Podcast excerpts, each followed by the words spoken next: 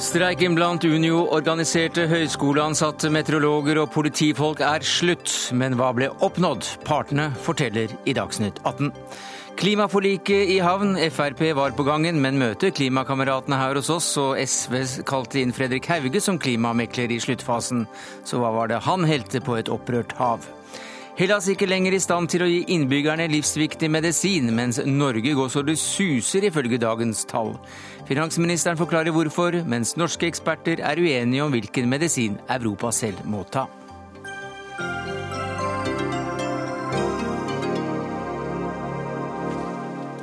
Ja, Det er noen av sakene i Dagsnytt 18 denne torsdagen, hvor vi får forfattere på besøk som røper en ganske stor hemmelighet om hvem som egentlig ledet en tidligere stor streik.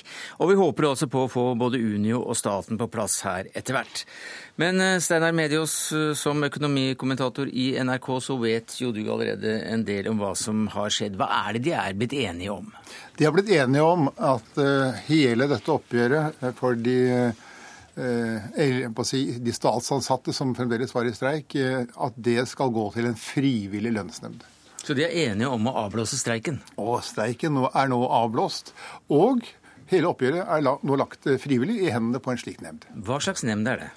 Jo, det er den samme nemnden som ville sittet der om det hadde vært en tvungen lønnsnemnd. Mm -hmm. Men det man skal være klar over, at selv om det er en frivillig nemnd, så er det altså ikke nemnd som kan lage lønnspolitikk for dette landet.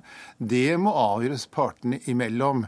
Og Det betyr at lønnspolitikk for de høyt utdannede i Norge det kan først bli avgjort ved den neste regjeringen vi får etter stortingsvalget i 2013. Så det betyr at det ikke blir noen eh, særlig lønnsøkning eh, utover det jeg kan ikke forestille meg, og det er det ingen som har ment heller, at de kan komme noe særlig lenger med rammen.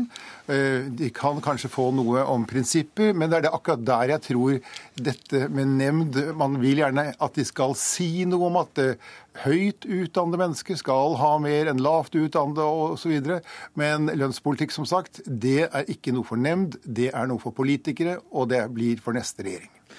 Så noen prinsipper kan altså gå gjennom i denne nemnda for Unio? Ja, kanskje et og annet prinsipp, men jeg tror ikke det blir så langt at noen i etterkant vil kalle det for politikk. Er det vanlig å sende en, en uenighet slik, avbryte en streik og sende Nei, det, det til en nemnd? Det er høyst uvanlig, men eh, dette var jo også en måte å komme seg ut av det på. Jeg tror Vi, snakker jo også om parter nå som kjemper for sitt ettermæle. Eh, skulle man tvunget denne streiken over i der hvor det er snakk om liv og helse, så tror jeg ikke man ønsket det fra Unio sin side. Man ønsket en frivillig løsning. Eh, og, og skulle man sette liv og helse i fare, så ville man få publikum imot seg. Ganske kort, Hvilke konsekvenser kan dette få politisk? Regjeringen har lagt seg ut med to eh, viktige grupper nå. Og Den ene kjenner vi vel, det var bøndene. De var jo rasende for oppgjøret. Og den andre er altså de høyt utdannede i Norge. Dette er to lønnsgrupper som på mange måter har ligget i denne sammenheng og i denne regjeringen på den rød-grønne siden. Men bøndene kan godt nå snu ryggen til regjeringen. Bøndene er ikke nødvendigvis på venstresiden i norsk politikk. Eh, under Erling Norviks eh, Høyre så var de på høyresiden og var med på å lage den høyrebølgen man da fikk. De høyt utdannede som nå har eh, vært i konflikt, de har også vært på den rød-grønne siden. Fordi de på mange måter kommer jo fra den arbeiderklassen som de har utdannet seg bort fra. Men de syns ikke de har gitt utbetaling, og de kan også kvittere ut en annen stemmeseddel i neste runde. Og SV er under sperregrensen? SV og Senterpartiet er under sperregrensen.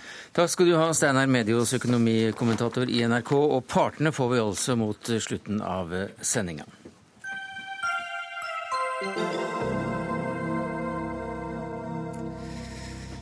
Streiken er eh, over. Sigbjørn Johnsen, som finansminister så har ikke du hatt noe særlig med dette her å gjøre, men er du fornøyd med det?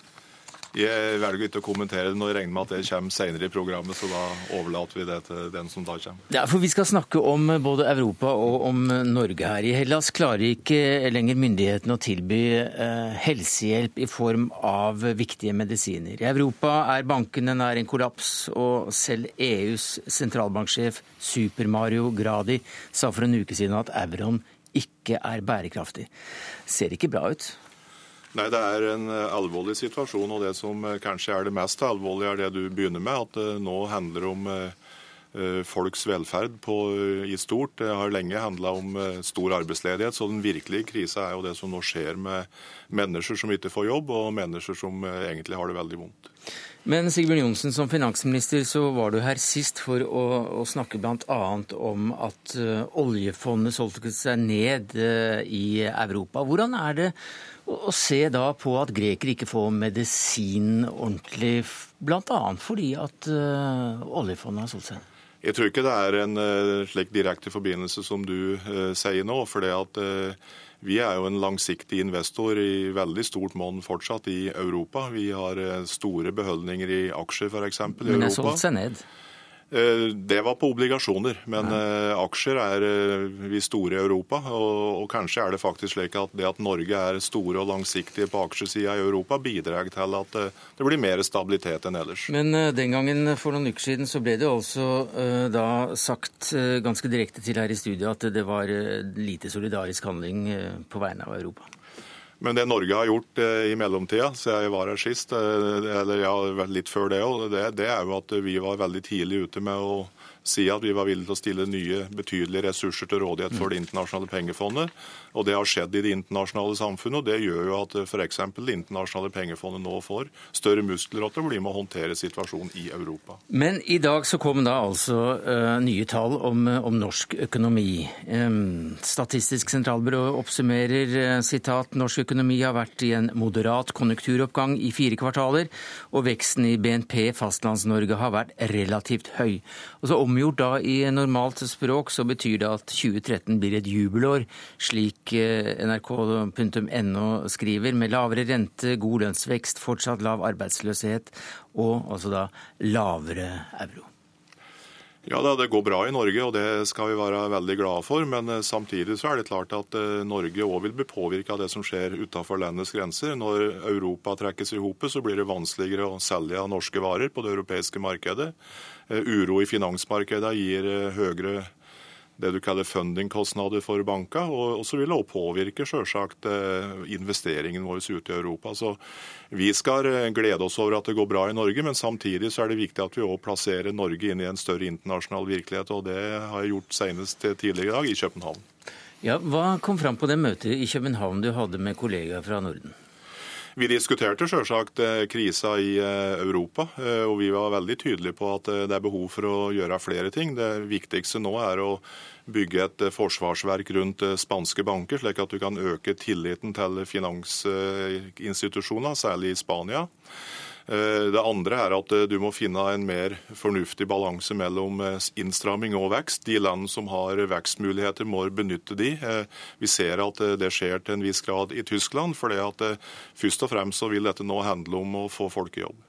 Hvor lenge tror du oppgangen i Norge fortsetter hvis nedgangen i Europa også fortsetter? Som vi sa i stad, så vil vi bli påvirket av det som skjer eh, ute i Europa. Men mer, mer neste år? Det er vanskelig å se. Ja.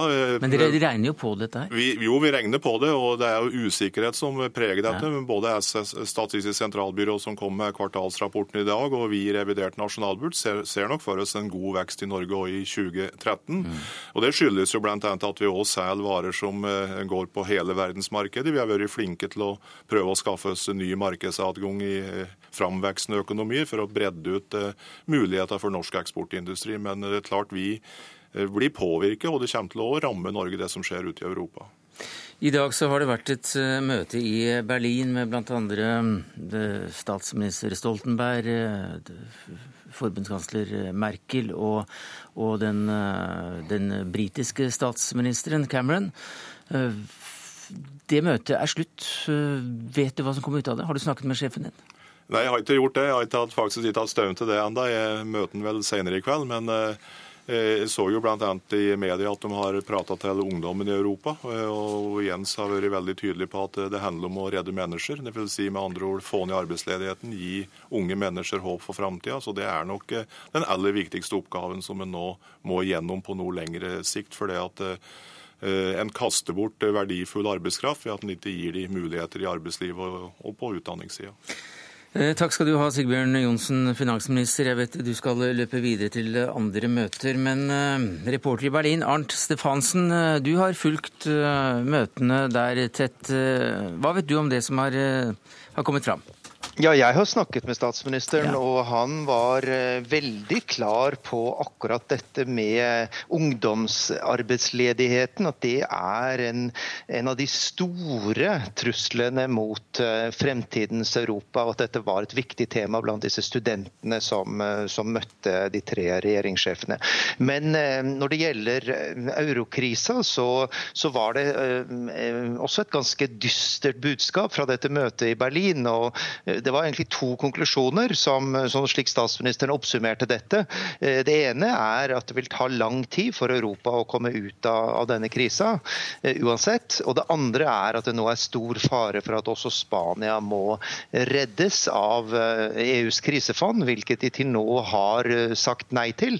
Slik at det var på ingen måte noen, noen positive nyheter fra, fra, dette møtet. Men på den annen side så holder tyskerne nå kortene tett til brystet neste, og alle venter jo at tyskerne vil nå komme med innspill som, eh, som gir noen positive stimuli når det gjelder vekst og, og mulighetene for å, for å, sikre disse krisebankene. Så, så det, det, er vel noe med at Merkel spiller ikke ut sine kort uh, fullt ut i et slikt forum. Det vil hun gjøre i, i toppmøtet til EU som kommer i slutten av juni. Takk skal du ha, Arnt Stefansen i Berlin. Erik Reinert, du er professor i økonomi ved Tallinn University of Technology.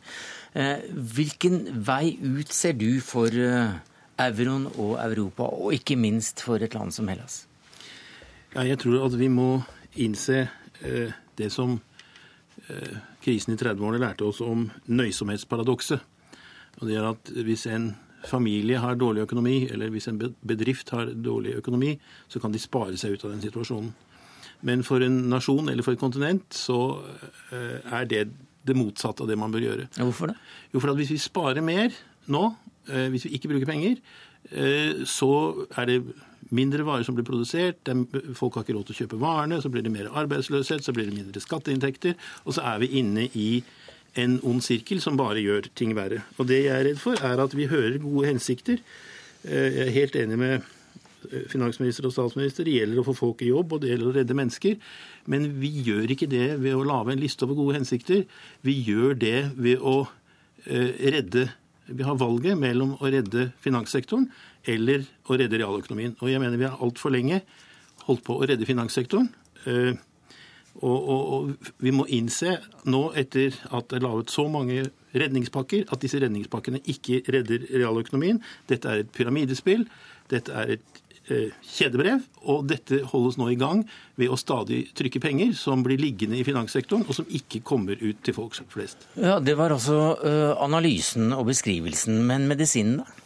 Jeg tror medisinen er eh, gammeldags. og Det, ble, det, men, står, men, om det, det står om, om, det i Det gamle testamentet. Ja. Eh, det var noe som het jubelår.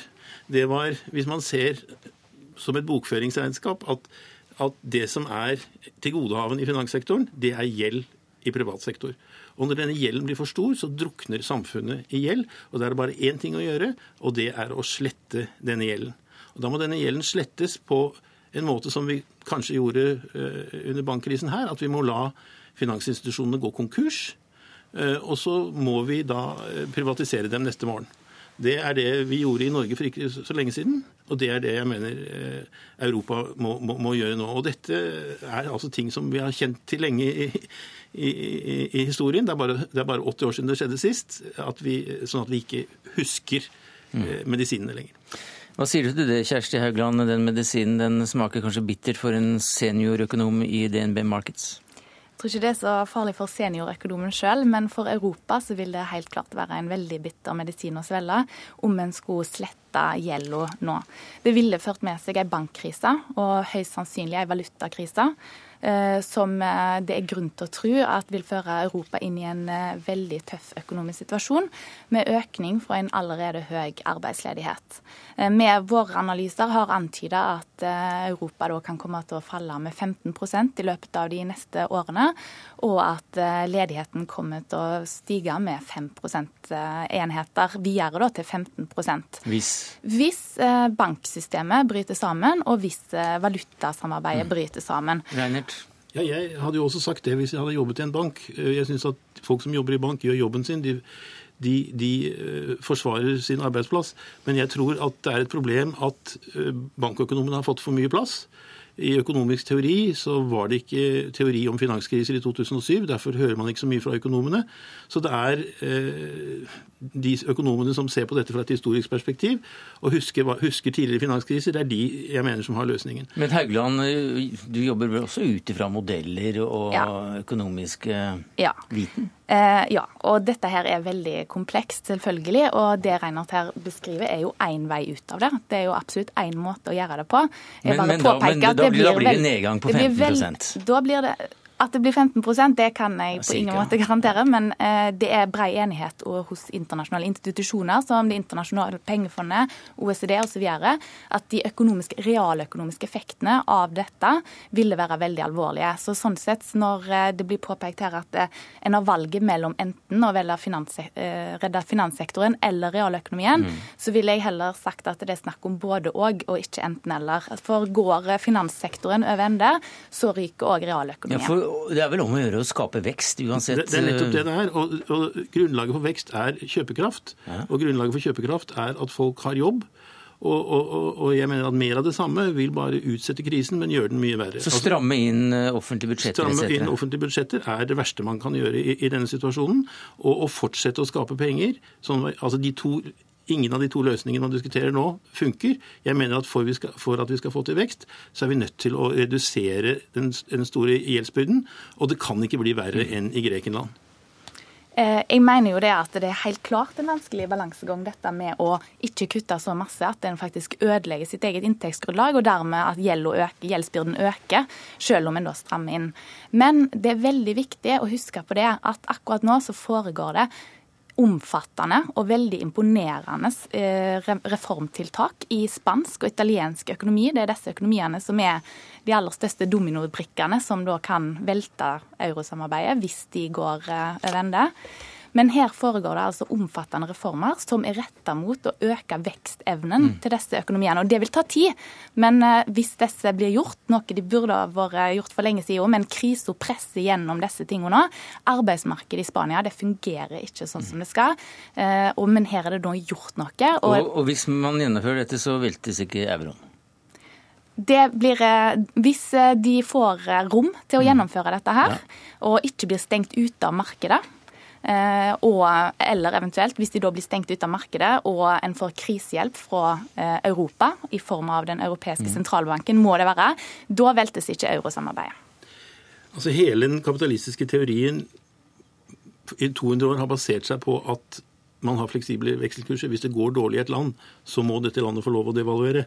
Og Det er det som er det store problemet med euroen, at man har frosset vekselkursene.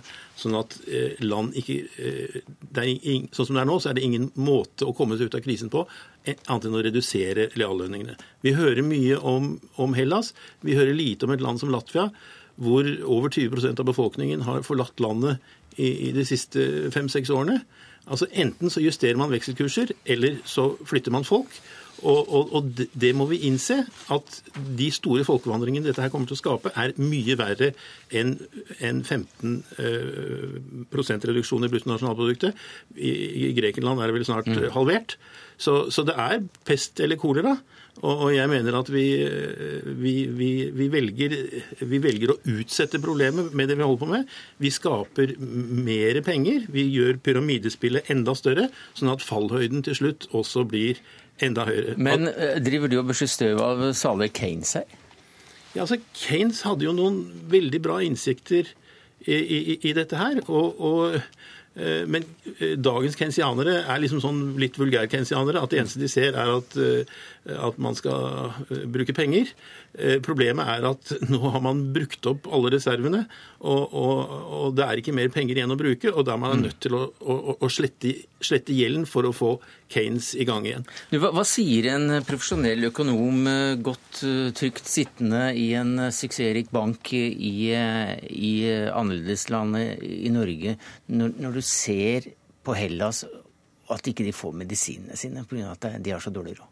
Ja, det er helt klart en menneskelig, eh, veldig vanskelig situasjon. Og det er en økonomisk vanskelig situasjon som eh, jeg som menneske selvfølgelig syns det er veldig trist å være vitne til. Eh, og Hellas kommer nok til å måtte trenge mer hjelp, direkte mm. hjelp, nødhjelp fra sine europeiske medlemmer. Men Spania er i en helt annen situasjon. Det kan bli neste runde her i Dagsnytt 18, men foreløpig da takk til deg, Kjersti Haugland, seniorøkonom ved DNB Markets, og til Erik Reinert, professor i økonomi ved Tallinn University of Technology.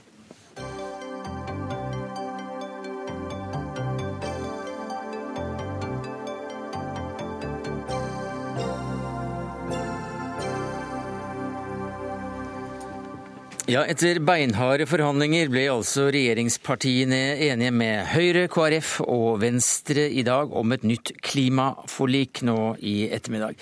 Helga Pedersen, parlamentarisk leder i Arbeiderpartiet, hva er det dere er blitt enige om? Og For det første så er jeg veldig glad for at eh, vi er enige om eh, klimameldinga med de justeringene vi har fulgt opp i dagene etterpå. Det er veldig eh, viktig for forutsigbarheten i klimapolitikken, og for at vi får faktisk gjennomført denne politikken i årene som kommer. Det vi har gjort de siste dagene, det er jo å konkretisere eh, mange av tiltakene ytterligere. Det er flytta på eh, penger, eh, blant annet. Eh, og det er lagt inn eh, nye formuleringer på tema som kollektivtrafikk, eh, teknologiutvikling og andre viktige temaer. Nikolai Astrup, klimapolitisk talsmann i Høyre. Hva er dere blitt enige om?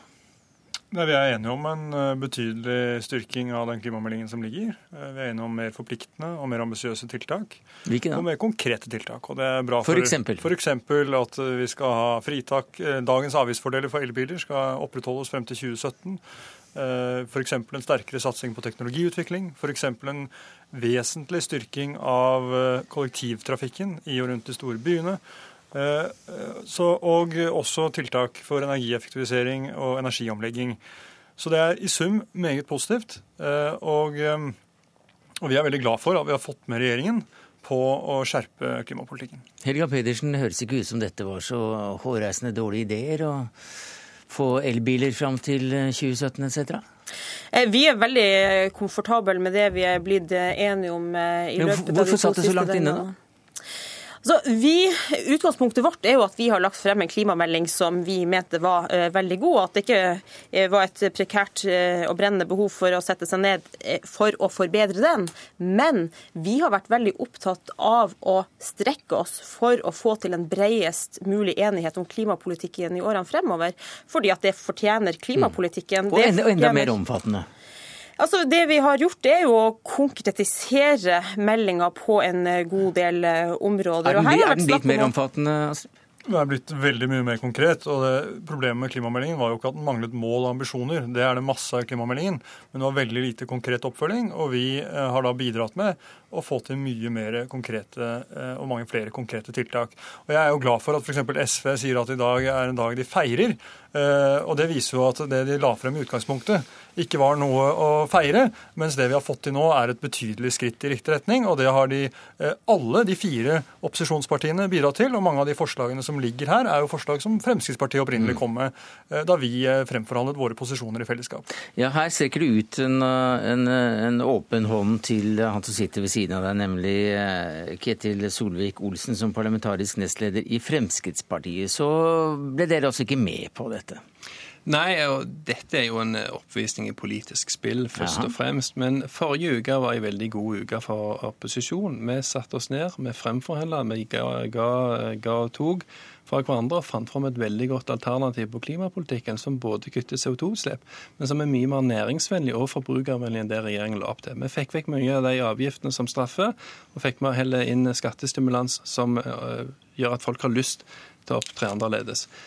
En del av dette kommer òg inn i det endelige forliket. En del av de punktene som ligger der, er fra Frp. og Det er veldig hyggelig å se at vår politikk oppfattes som god, selv om vår tilstedeværelse irriterer de så mye at de ikke vil ha oss. Ja, Var det det som skjedde? At, at tilstedeværelsen var så irriterende at de ikke fikk være med? Nei, absolutt ikke. Vårt utgangspunkt var jo at vi ønska å få til en enighet med alle syv partiene. Ja. og Derfor satt Arbeiderpartiet og Fremskrittspartiet og SV og Høyre og alle de andre i samme rom hele forrige uke og prøvde å oppnå en enighet. Men du hører jo politisk spill bli sagt? Ja, jeg hører at det blir sagt, og jeg reagerer litt på det. For i forrige uke så førte ikke samtalene frem. Det måtte vi bare konstatere.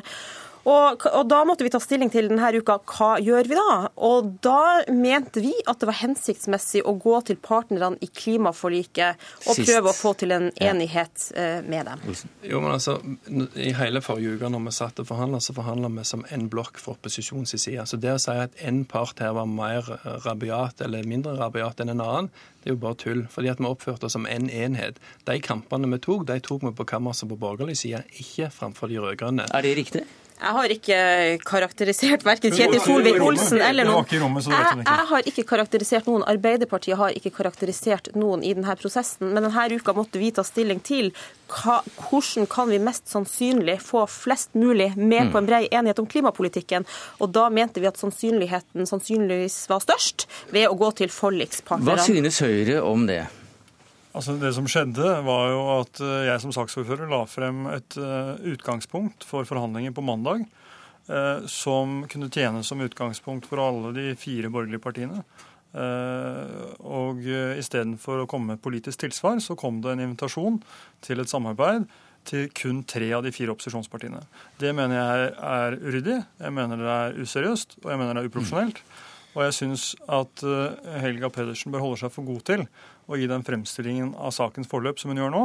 For saken er den at eh, Arbeiderpartiet kuppet denne prosessen fordi de ikke kunne inngå et forlik der Arbeiderpartiet var med. Nei, unnskyld, der Fremskrittspartiet var med.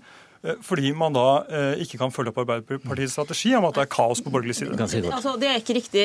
På fredag måtte vi konstatere at det ikke var mulig å oppnå enighet. Nå har vi fått til en enighet med seks partier. Det syns jeg er veldig veldig gledelig. Og hvis Fremskrittspartiet er helt enig med alle oss andre, så er det bare å legge seg inn i de merknadene som nå ligger i komiteen. Bård Vegar Solhjell, du er miljøvernminister. Du har sittet uh, helt stille og, og hørt på, på dette, og, og, noen kaller det spill, og andre kaller det bare godt politisk håndverk. Men Eh, hvem er det vi kan gratulere i dag? Først og fremst eh, norsk miljø- og klimapolitikk. Eh, forrige uke endte i spill, og alle var tapere. Denne uka her endte i noe viktig for klimapolitikken, nemlig brei enighet.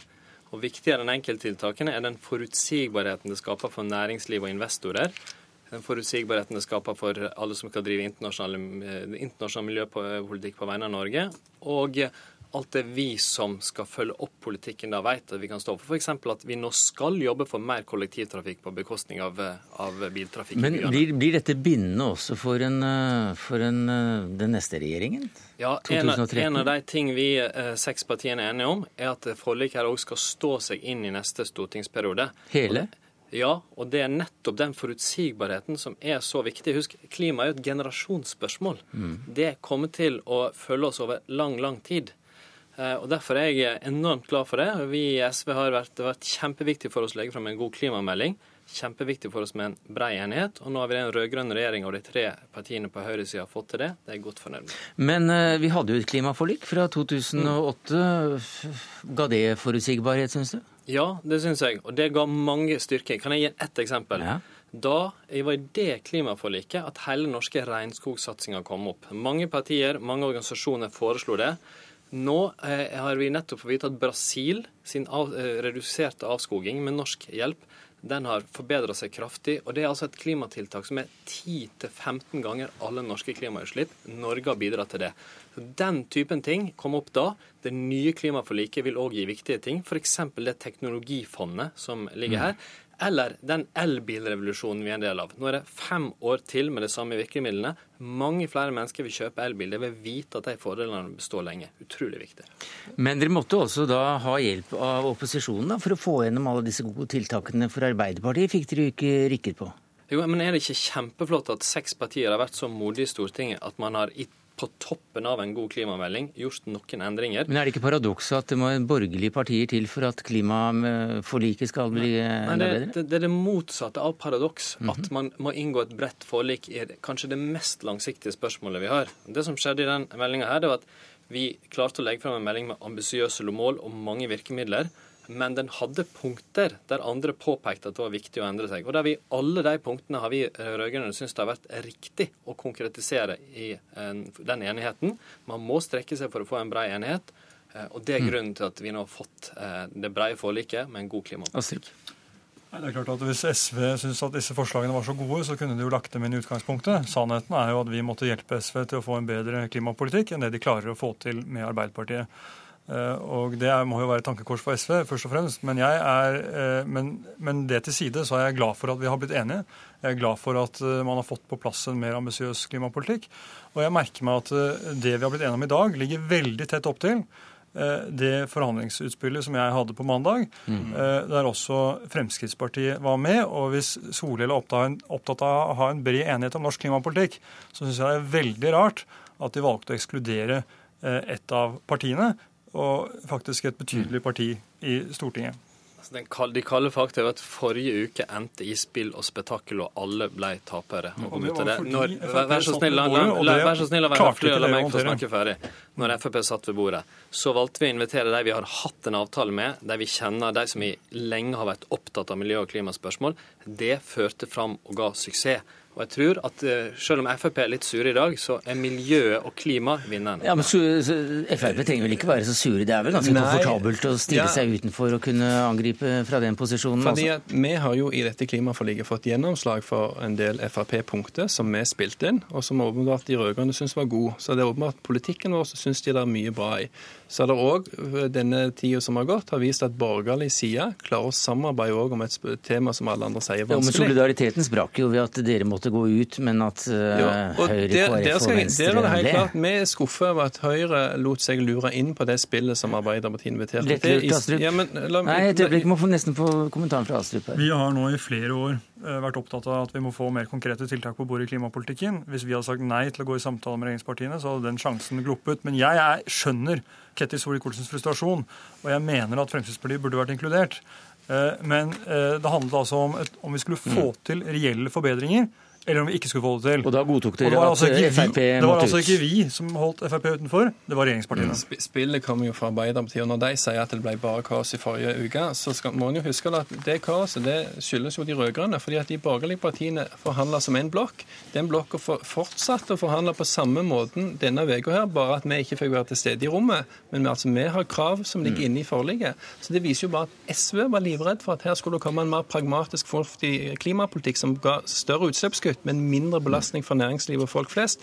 Og den type konkurrenter vil de ikke ha, og da skulle vi ut. Solvik-Olsen, du får ikke eh, så splid blant eh, miljøkameratene på en dag som denne, selv om du prøver alt du kan som parlamentarisk nestleder i Fremskrittspartiet. Takk skal du ha. Takk til Helga Pedersen, parlamentarisk leder i Arbeiderpartiet, Nikolai Astrup, klimapolitisk talsmann i Høyre, og Bård Vegar Solhjell, miljøvernminister for SV. Ja, så langt eh, aktørene, så å si. Eh, mange tar eh, æren for dette her, men vi fikk vite av Bellonas kontor og at Bellonas Fredrik Hauge også hadde en finger med i spillet. For du ble innkalt som en slags nøytral mekler. Hvordan skjedde det? Nei, det er slik at Forrige uke så skar dette seg på fredag. Da fikk vi henvendelser fra egentlig begge sider om eh, vi kunne bidra. Eh, og så har vi hatt en veldig god dialog og samarbeidet med norsk industri eh, om å prøve å få til en liten opprydning av det kaoset som var i forrige uke. Prøve å få fokus på de tingene som betyr noe for innovasjon, utvikling, forutsigbarhet for næringsliv, og selvsagt de reelle klimagassutslippene. Men hva helte du på det opprørte havet? Jeg går ut fra at det ikke var olje. Nei, men Noen ganger så handler det om å få de rette personene til å snakke sammen. Finne ut hva er ikke vits i å diskutere i det hele tatt. Hva kan vi diskutere? Eh, og til syvende og sist så handlet det vel også om at eh, disse partiene mener at dette er vår tids største utfordring. Da prøver vi å behandle dette spørsmålet med en form for verdighet. Vi må danne en form for minimumsplattform av hva vi er enige om. Og så må vi diskutere nå virkelig og ha diskusjon om virkemidlene, om redskapene vi skal til for å utløse disse målsetningene. Eh, men det er viktig for oss, og vi så f.eks. under biodieselsaken her for noen år siden, hva uforutsigbarhet kan skape av problemer for omstillingen av næringslivet. Og det har vi slitt med i så mange år. Jeg er ikke sånn at jeg står og jubler. Jeg syns partiene har vært feige over oljeindustrien, mange tiltak. Men som en minimumsplattform er vi enige om dette. Nå kan vi gå videre, og det skal vi bidra med hver dag. Kjetil eh, Alstaheim, du er kommentator i Dagens Næringsliv, og du følger dette med klima tett. Da du skrev om eh, bruddet på fredag, eller på, i Mandagsavisen vel, så skrev du at politisk spill, mistillit og vantro førte til kollapsen. Og la oss ta det første først. Det politiske spillet som vi også hørte folk nevne her i, i debatten. Hva besto det? Det har jo vært spill fra, fra, flere kanter her. Eh, men det som skapte den store usikkerheten i forhandlingene i forrige uke, var jo det å ha Fremskrittspartiet ved bordet. Eh, og Fremskrittspartiet overrasket de rød-grønne eh, ved at de var der, og at de satt og gikk med på å diskutere klimatiltak. Men det var jo ikke bare de rød-grønne som ble litt overrasket. Jeg tror nok den, den enigheten som de snakker om på borgerlig side, Eh, den er litt overdrevet nå, fordi det var også de på borgerlig side, altså de andre borgerlige partiene, var litt overrasket over hvordan Fremskrittspartiet opptrådte. For de opptrådte Ja, for de opptrådte veldig imøtekommende. De var mm. åpne for eh, nesten hva det skulle være, og det var overraskende, særlig med når partiet har fått en ny klimapolitisk talsmann, Per-Willy Amundsen, som for kort tid siden Eh, var ute og sådde tvil om, om klimaendringene er menneskeskapte. Ja, De har vel ikke helt gått med på det eh, de har i hvert fall, hele veien? I hvert fall. De har i hvert fall en, en litt annen uh, tilnærming til det men, enn de andre partiene. Men hvis vi holder oss ved det politiske spillet, som jo, som jo er veldig interessant et år før, før et stortingsvalg, selvfølgelig, mm. så ses også noe av dette spillet i lys av det, med, med allianser. Hvorfor opptrådte da eh, Frp så velvillig? Det, er jo det som er interessant. Når du ser på de tre som sitter her, så ser det ut som om Fremskrittspartiet på en måte er litt sure og uh, føler seg skvisa ut. Men, Fire. Ja, ja uh, av de andre.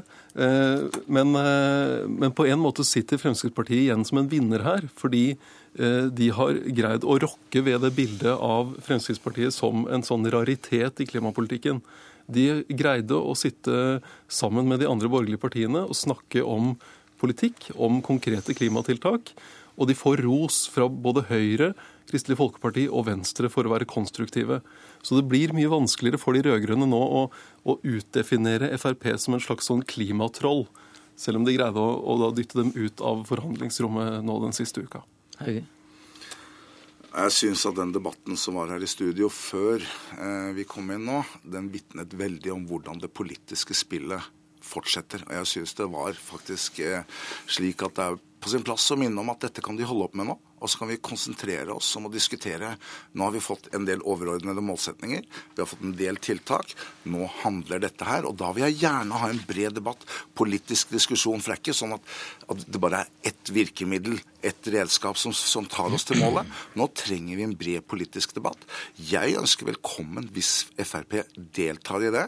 Jeg tror at det er viktig, den markeringen. Jeg er glad for at Solhjell sier at her har vi fått til en politikk som også sikrer en del innovasjon og utvikling osv. Det er en god del god næringspolitikk i miljøtiltak som også Frp bør kunne slutte seg til. Men, men, men nå synes jeg at det er viktig at politikerne går ut av denne dagen og stopper dette politiske spillet, og så begynner vi å snakke om hvordan skal vi for næringsliv og samfunn gjennomføre disse tiltakene på en best mulig måte. Det har vært mye smålighet, og så har det vært også evne til å sette seg ned og diskutere og rydde ting unna, og det er bra. Hvordan ser dette ut fra ditt ståsted som leder av Natur og Ungdom, Silje Lundberg? Nei, altså Vi er glad for at vi endelig har fått det her eh, klimaforliket, og vi var glad når vi endelig fikk den klimameldinga. Det har vært eh, to-tre år hvor man på en måte bare har jobba med å bli enige om noen grunnleggende politiske forutsetninger, så det er vi fornøyd med at man har nå. Og Da er det jo nå egentlig hovedjobben starter. For det er jo ikke sånn at fordi at det står i klimamelding eller fordi det står i et klimaforlik, at utslippene går ned av seg selv. Dette handler om hva de kommer til å levere i statsbudsjett, om eventuelle nye regjeringsplattformer. sånn at det er nå de faktisk må vise det de nå har forhandla seg fram til. Men når det er sagt, så mener vi at det som ligger eh, i det klimaforliket er godt. Her har man kommet lenger enn det den klimameldinga tok oss. Det er helt klart. Eh, og jeg tror også at det, man trenger press fra mange sider for å få til en sånn enighet. Og her har både opposisjon og regjeringspartiene spilt en, en viktig rolle. Men der, vi er veldig fornøyd med at man har fått til det. Men, men det er jo ikke nok i seg sjøl. Sånn at det, det, er jo sånn at det, her, det som nå ligger på bordet, det er et minimum av hva mm. man skal gjøre. Men hva skal man gjøre som dere er mest fornøyd med? Det er kanskje tre ting da, som peker seg ut som det vi er mest fornøyd med. Det er mye bra på kollektiv. Det er veldig bra. Her kommer man til å komme eh, ganske så I 2014 så skal man ha nærmere 1 milliard til belønningsordninga for kollektivtransport. og Det er noe som bl.a. miljøbevegelsen har pressa mye på for, så det er vi veldig glad og fornøyd med. Så er det også mye bra på bygg som gjør at du egentlig innen kanskje 2020 kan kvittere ut hele den utslippssektoren, hvis man eh, følger opp nå med virkemidler og ikke bare et forbud. Og så er det også veldig gledelig at man har eh, opptrappa den eh, de pengene som industrien, den støtteordninga som industrien skal få for å redusere utslippene der, som gjør at vi kan ha industri i Norge som også er svært miljøvennlig. Alstadheim, er vi garantert at dette faktisk blir politikken? Eh, nei, men, eh, men, det er jo ganske solid når du har seks partier som stiller seg bak det, og Fremskrittspartiet kommer til å gå inn på en del av punktene. Eh, det som fortsatt er uklart, er jo om de når målene de har satt seg i politikken.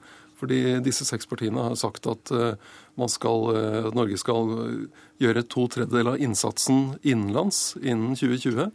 Det var eh, uklart da klimameldingen kom om det vil nås, og det er fortsatt eh, veldig usikkert. Så du kan si at de, de kom i mål i dag. Det er høyst usikkert om de kommer i mål i 2020.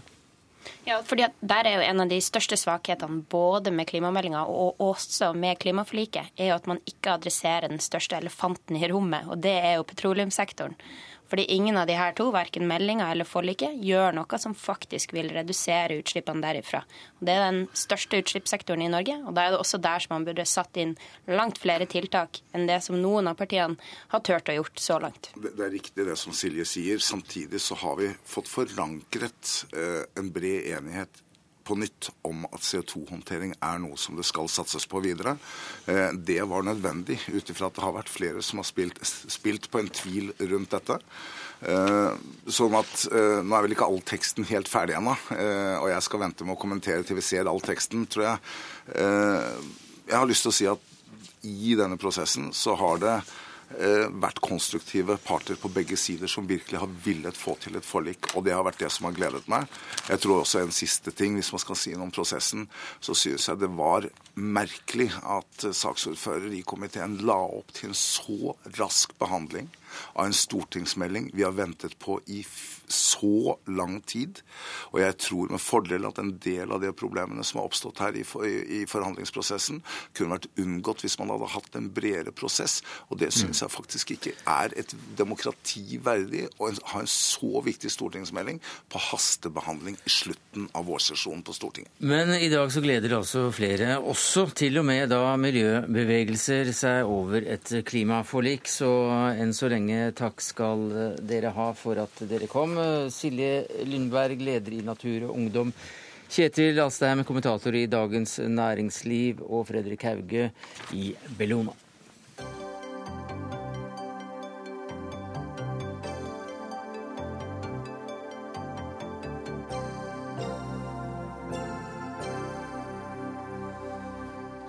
Ja, Unio, statsstreiken er over også for en uh, times tid siden, og vi får partene opp hit mot slutten av sendinga. Uh, dermed er også drøyt 250 medlemmer av Sykepleierforbundet tilbake på jobb på høyskolene fra og med i morgen, får vi tro.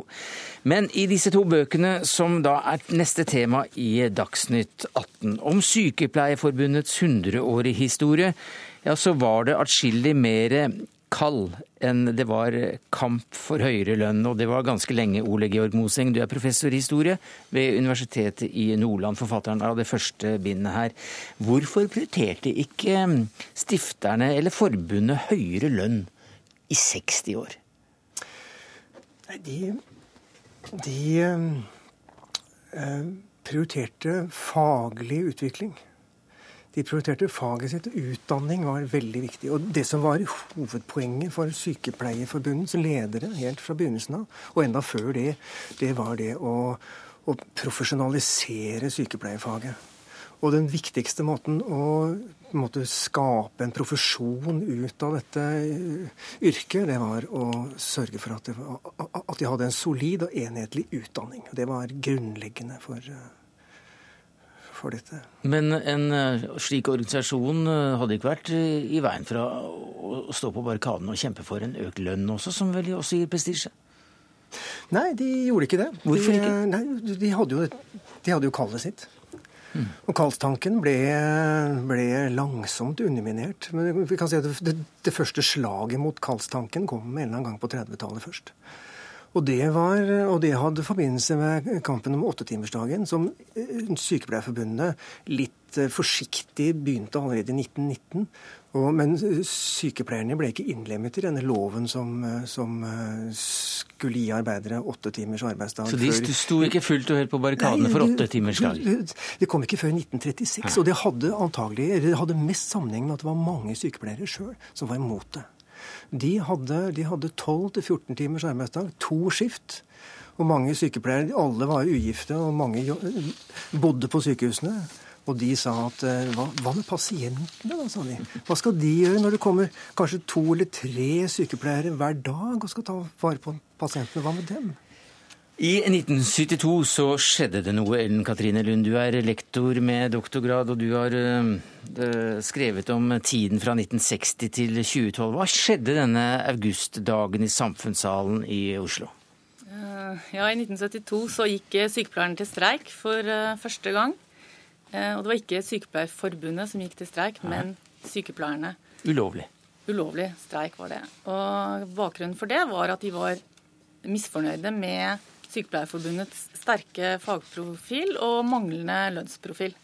Og det var da særlig de mannlige sykepleierne, de var ikke så mange. Men eh, de få som var, de var veldig misfornøyde med at Sykepleierforbundet ikke hadde en sterkere lønnsprofil. Men den som var synlig i den streiken, det var jo uh, denne frontfiguren Annelise Bergheim? Ja. Annelise Bergenheim hun var frontfiguren, og hun var da leder av sykepleieraksjonen mhm. utad. Mm. Og, og, så var det da i denne samfunnssalen også. Det var 1500 mennesker som kom inn, og det var 1500 mennesker som ikke kom inn. Og der står uh, denne karismatiske, for så vidt og svært unge kvinnelige lederen mm. og taler om, om, denne streiken. Ja, Anne Lise Bergen var bare 26 år, men bak sceneteppet så sto en litt eldre mann. Han var ikke så veldig gammel, han heller. 32. Audun Tømmerås, og sufflerte Anne Lise Bergenheim. Han var den egentlige initiativtakeren til denne aksjonen, som da startet med at han eh, gjerne vil, Han var misfornøyd med lønnsforhandlingene, og også misfornøyd med at Sykepleierforbundet ikke fikk gjennomslag i lønnsforhandlingene. Så han tenkte at her må vi gjøre noe. Så han ringte rundt til sykepleiere han kjente, og dannet en aksjonsgruppe på seks sykepleiere. Og så tenkte han at vi må ha en frontfigur. Og da tok han kontakt med Annelise Bergenheim, som, eh, som han kjente fra psykiatrien og fra Gaustadveien. Så fra hybelen til Annelise Bergenheim så opererte denne aksjonsgruppa og klarte å mobilisere massivt. Alt fra diakonisser, eldre sykepleiere, yngre sykepleiere ble med i denne sykepleieraksjonen. Men dette har vi ikke visst før? Nei, det har vært hemmelig. Ikke sykepleieraksjonen. Den har mange kjent til før. Men hvem som trakk i trådene, hvem som sto faktisk ja. bak uh, som en slags sufflør og hvisket, uh, eller ropte antagelig, ja. mer når det var så mye bråk i salen, hva hun skulle si. Mm. Audun Tømmerås ville holde det hemmelig. Og eh, antagelig så visste de andre i aksjonsgruppa at han var med. Eh, Helga Dagsland, som var forbundsleder i NSF på den tiden, hun gjettet nok at det var han. For hun gjenkjente hans eh, skrift og hans formuleringer. Eh, og hun var også inne på hans kontor et par ganger og ba aksjonsgruppa om å besinne seg. Men hun kunne ikke avsløre at det var han. Fordi han var ansatt i sekretariatet i Sykepleierforbundet, og hun fryktet at eh, de yngre sykepleierne, inkludert de mannlige, ville danne en ny organisasjon. Så, så mange ganger vi har hørt at bak en, uh, vellykket mann så står det en forundret kvinne. Men her var det altså en vellykket kvinne, og, og bak så var det noen ærgjerrige menn. Ja, det kan man si. Eh, samtidig så hadde jo ikke denne aksjonen fått så stort gjennomslag hvis ikke det hadde vært for alle de kvinnelige sykepleierne som sluttet opp om aksjonen. da. Og dermed så var også denne organisasjonen en kamporganisasjon for så vidt for, eh, for høyere lønn. Kallet gikk på en smell. Dette var kallstankens begravelse, kan man si.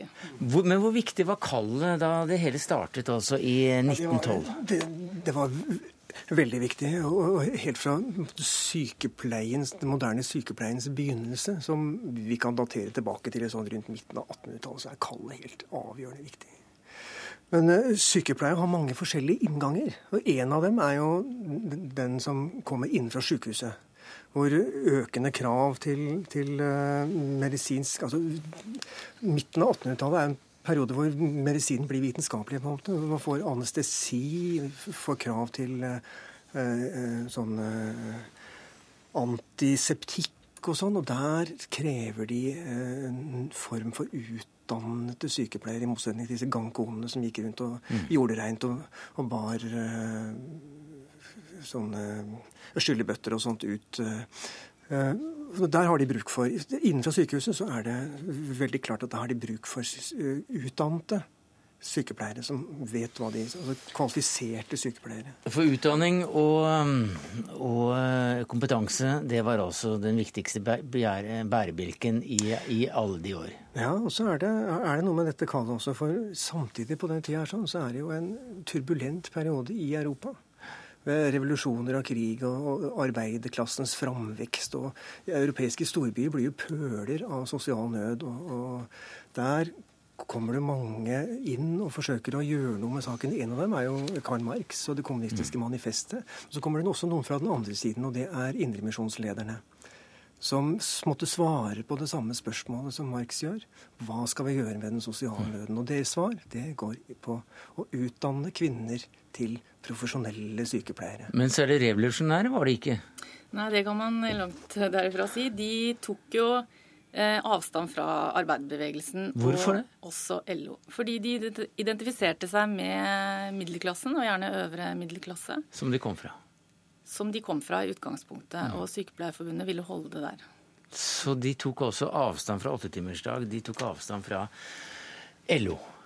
Mm. Og de tok avstand fra kvinnebevegelsen på 70-tallet. Kvinnefronten ble jo dannet i 1972. Og kvinnebevegelsen eh, tok trykket sykepleieraksjonen til sitt bryst, men sykepleieraksjonen og sykepleiere ville ikke ha noe med kvinnebevegelsen å gjøre. Fordi den var veldig tett forbundet med ML-bevegelsen i Norge. Det er altså da en tobinds 4,5 uh, kilos uh, leseglede om sykepleiernes historie. Det er 100 år i september, vel, mm. at det skal feires. Disse 44 enslige kvinnene Eh, barnløse, eh, velutdannede og sterke. De var eh, veldig sterke, det var de. Og noe av det som de, de la vekt på, det var jo å lage et veldig, veldig skarpt skille mellom de som var utdannet, de som kunne kalle seg sykepleiere, og de som ikke kunne kalle seg sykepleiere. Og Eh, men framveksten av den organiserte sykepleien har også veldig sterk forbindelse med feminismen. Men det var en form for borgerlig feminisme. Husk på at Sykepleierforbundet ble jo stifta et år før kvinnene fikk mm. stemmerett til Stortinget i Norge. Så feminismen var altså da ganske kraftig definert som en borgerlig feminisme på den tiden. Ja, det var den da. Det er mye rart man kan få vite gjennom å studere sykepleiens eh, historie. Ole Georg Moseng, takk skal du ha som professor og, mm, og forfatter. Ellen Katrine Lund, eh, lektor og, og doktor, også forfatter av bind nummer to, 'Virke og profesjon'.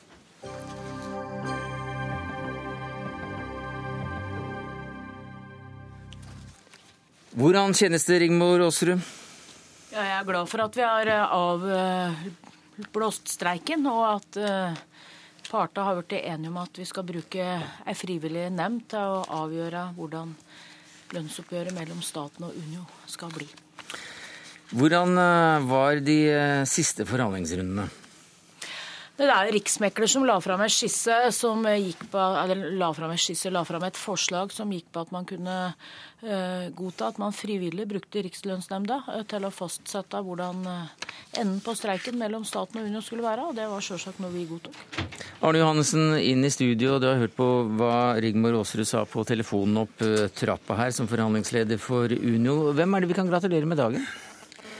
Nei, Det er jo et fellesskap som har funnet en løsning. Og Det er vel et bevis på at eh, hvis vi setter oss ned og prøver å finne en løsning, så klarer vi å få det til. Jeg tror at du får ganske mange samtaler og meldinger inn på telefonen din, så jeg, hvis du gir den til, eh, til vaktsjefen Odd Dørum, så kan vi fortsette uten støy. Ja, Det var altså da eh, ingen som direkte vant, kan vi si, så lenge dere sendte det videre til til?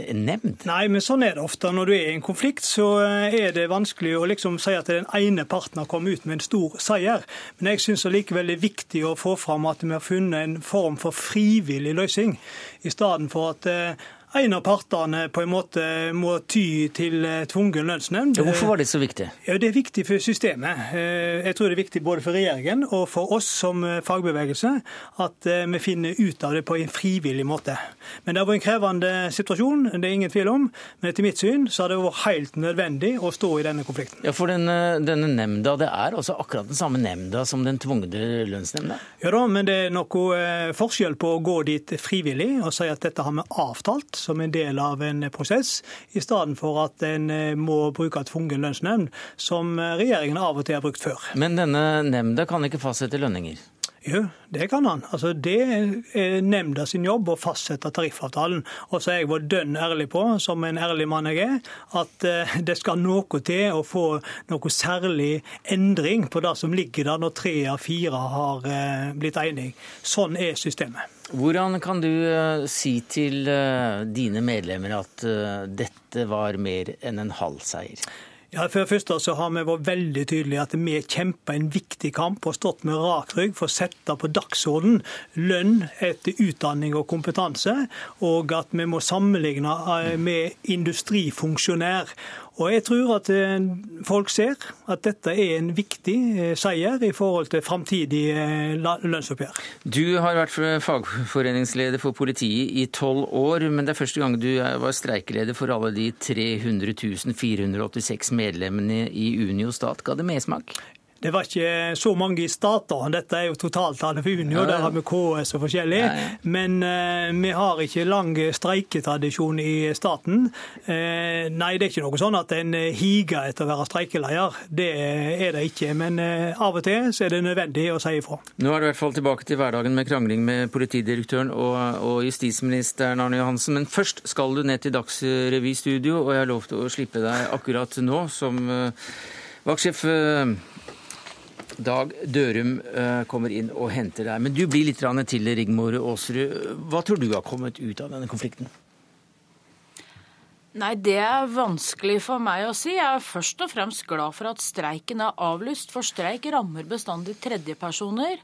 Og det har vært en krevende situasjon, det er ikke noe tvil om det. Jeg var veldig glad da vi klarte å lande med enighet med de to andre organisasjonene på lørdag. Og, og Akademikeren har jo vært klar for å gjøre det over en lengre periode, så jeg var veldig glad for at vi fikk til det. det hele, hele, denne streiken skal gjennomgås etter, eh, etter initiativ fra, fra LO kommune. Ehm, hva tror du blir stående igjen som fasit for, for denne streiken? Det, det syns jeg er vanskelig å være, men vet jeg nå. Men det er bestandig sånn at du skal se på det du har gjort, og se om du kan gjøre ting annerledes. Ja, for jeg spør, også, jeg, jeg spør, deg også fordi det er kommet kritikk også mot deg, og hvordan du har ledet dette som noen mener var å lede inn i streik. Ja, jeg syns det var veldig krevende det som skjedde da vi var i ordinære forhandlinger, altså snart to måneder tilbake. Mm. For vi hadde jo igjen fem dager av forhandlingstida da Eh, vi hadde jobba med en del av tekstbestemmelsen i hovedavtalen. Så kom organisasjonene med lønnskravet sitt og la bruddprotokollen på bordet samtidig. Så vi kom jo aldri i den posisjonen at vi fikk begynt å diskutere lønn og innretning. Og det ble veldig mange saker som lå åpne, som ble tatt inn til riksmekler.